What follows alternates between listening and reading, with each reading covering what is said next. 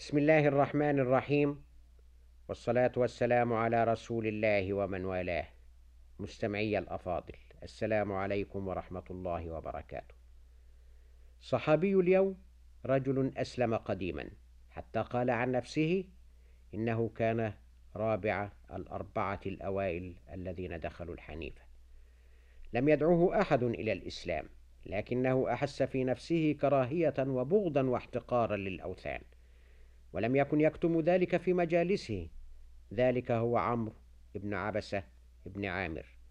وقد يقال له البجلي نسبة لأمه بجلة الأزدية وقد يقال له أيضا السلمي نسبة إلى جده الأعلى من أبيه وقد تجمع له النسبتان معا. روى عنه بعد إسلامه كثير من الصحابة وبعد موته ثلة من التابعين.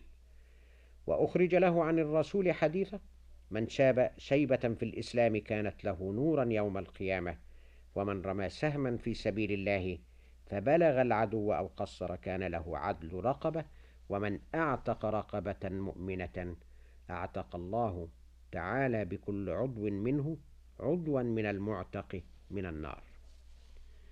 لقد نزه نفسه في الجاهلية عن عبادة الأوثان وكانت كراهيته إياها سببا في قصده الرسول عليه السلام وهو لم يدع بعد جهرا وإنما كانت تتناثر أخبار هنا وهناك عن هذا الدين الجديد.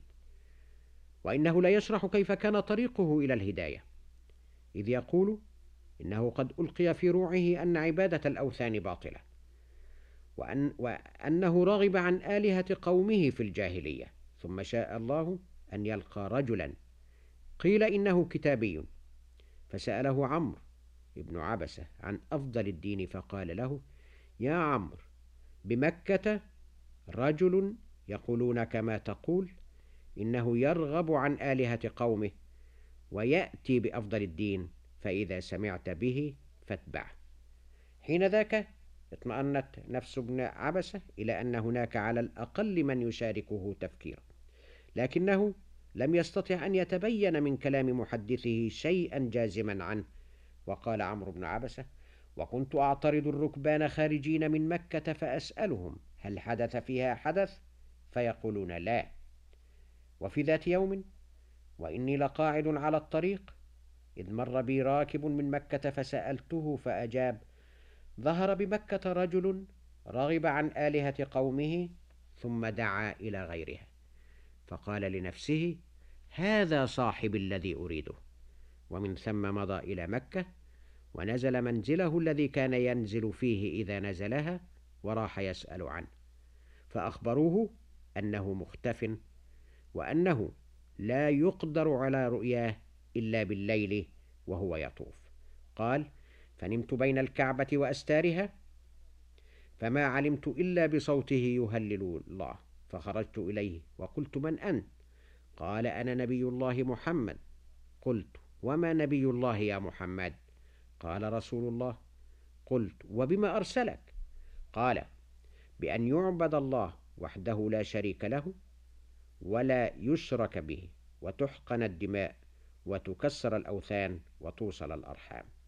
فسألته من معه إذا فقال حر وعبد يعني الرسول الكريم. بذلك أبا بكر الصديق وبلالا رضوان الله عليهما. قال فقلت أبسط يدك أبايعك فبسط يده فبايعته على الإسلام.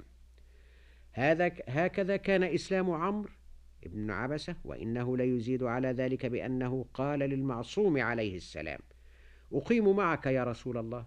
قال لا ولكن الحق بقومك فإذا سمعت أني خرجت فاتبعني.